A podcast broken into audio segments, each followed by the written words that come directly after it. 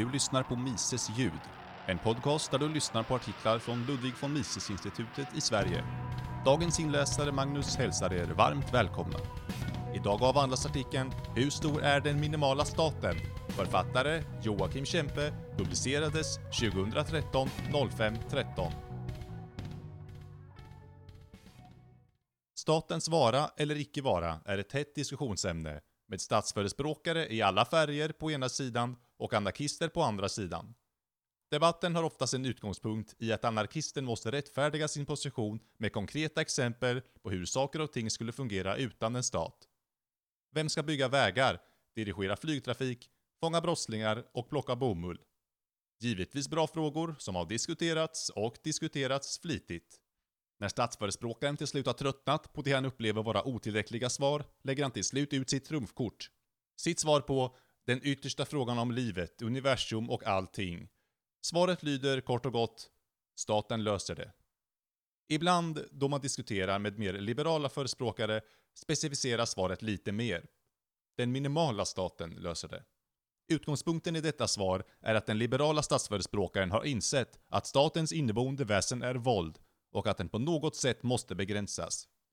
Även anarkisterna har insett detta, och av denna anledning kan de två ibland hitta gemensamma beröringspunkter där de håller med varandra. Men där anarkisten vill avskaffa staten helt, vill statsförespråkaren enbart begränsa den. Han för fram en mirakelkur. Den minimala staten, ibland även kallad nattväktarstaten.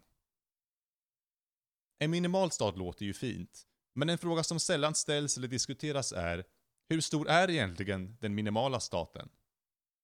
För att besvara frågan måste vi först definiera vad som menas med en minimal stat.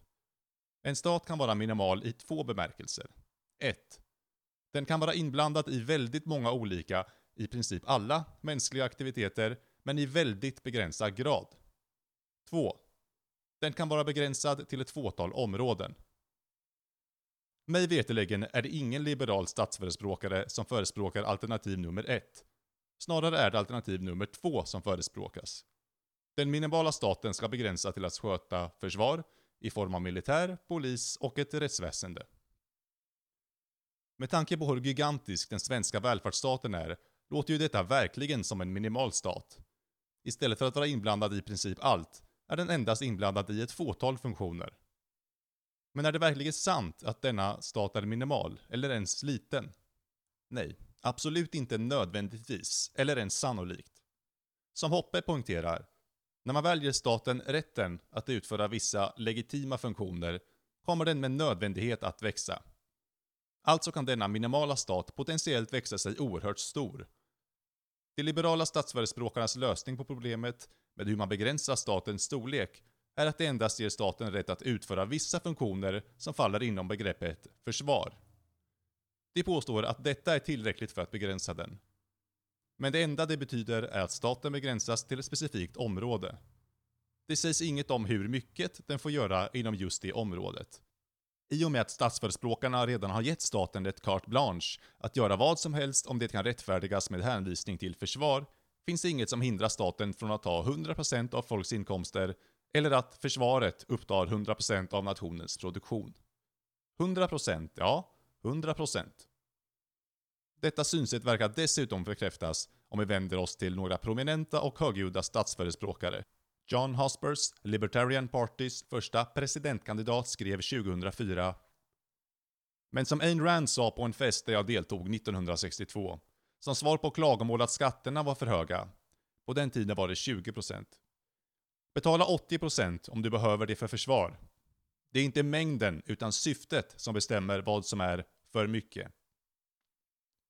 Men varför bara 80%? Varför inte 100%? Eller Roger Donaway från David Kellys randianska Atlas Society som skrivit att det är okej okay om staten upptar 50% eller mer av nationens produktion, så länge det går till försvar. Så återigen, varför inte 100%? Svaret är såklart att det inte finns något alls som hindrar det. Och en stat som beskattar 100% av folks inkomster kan inte i någon meningsfull bemärkelse kalla sig minimal eller liberal. Det är inget annat än en gigantisk slavstat. Dessutom är det naivt att tro att staten kommer att begränsa sina verkningsområden bara för att man begränsar den till försvar. eftersom långt fler saker kan rättfärdigas med hänvisning till det ordet än de liberala statsförespråkarna menar, tycker eller tror. Faktum är att de liberala statsförespråkarna är utopister, med en personlig och statisk uppfattning om vad som är den perfekta staten. Som Mises säger angående socialister.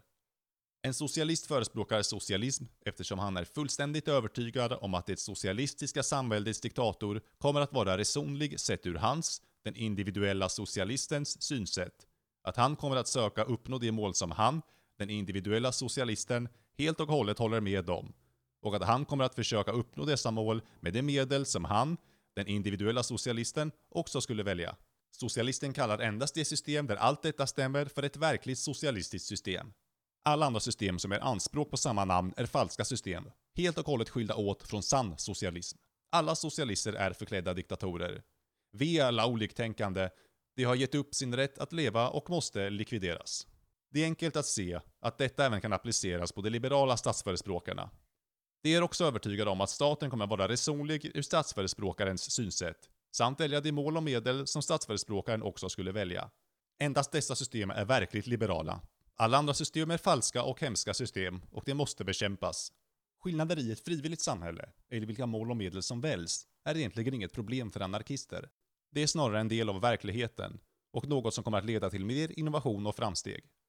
Skillnader är bra, men för statsförespråkare blir skillnader knepiga eftersom de förespråkar en one size fits all-lösning som måste gälla för alla. Det finns inget utrymme för skillnader, det finns enbart en universalmedicin. Den liberala statsförespråkaren känner kanske sig förolämpad eftersom han jämförs med en socialist. Det må så vara, men det är olyckligt då det inte är min mening. Faktum kvarstår dock att skillnaden mellan 0% och 1% skatt är enormt mycket större än skillnaden mellan 1% och 100% skatt. I det ena fallet har vi att göra med en artskillnad och i det andra fallet en gradskillnad. Där anarkisten och den liberala statsförespråkaren skiljer sig åt artsmässigt skiljer sig den liberala statsförespråkaren och den totalitära socialisten endast åt gradmässigt. Den något trista slutsatsen är alltså att vi inte kan ge något slutligt svar på frågan om hur stor den minimala staten egentligen är. Det enda vi kan säga är att svaret på frågan kommer att skilja sig beroende på vilken statsförespråkare man frågar och att den minimala staten potentiellt kan bli väldigt, väldigt stor.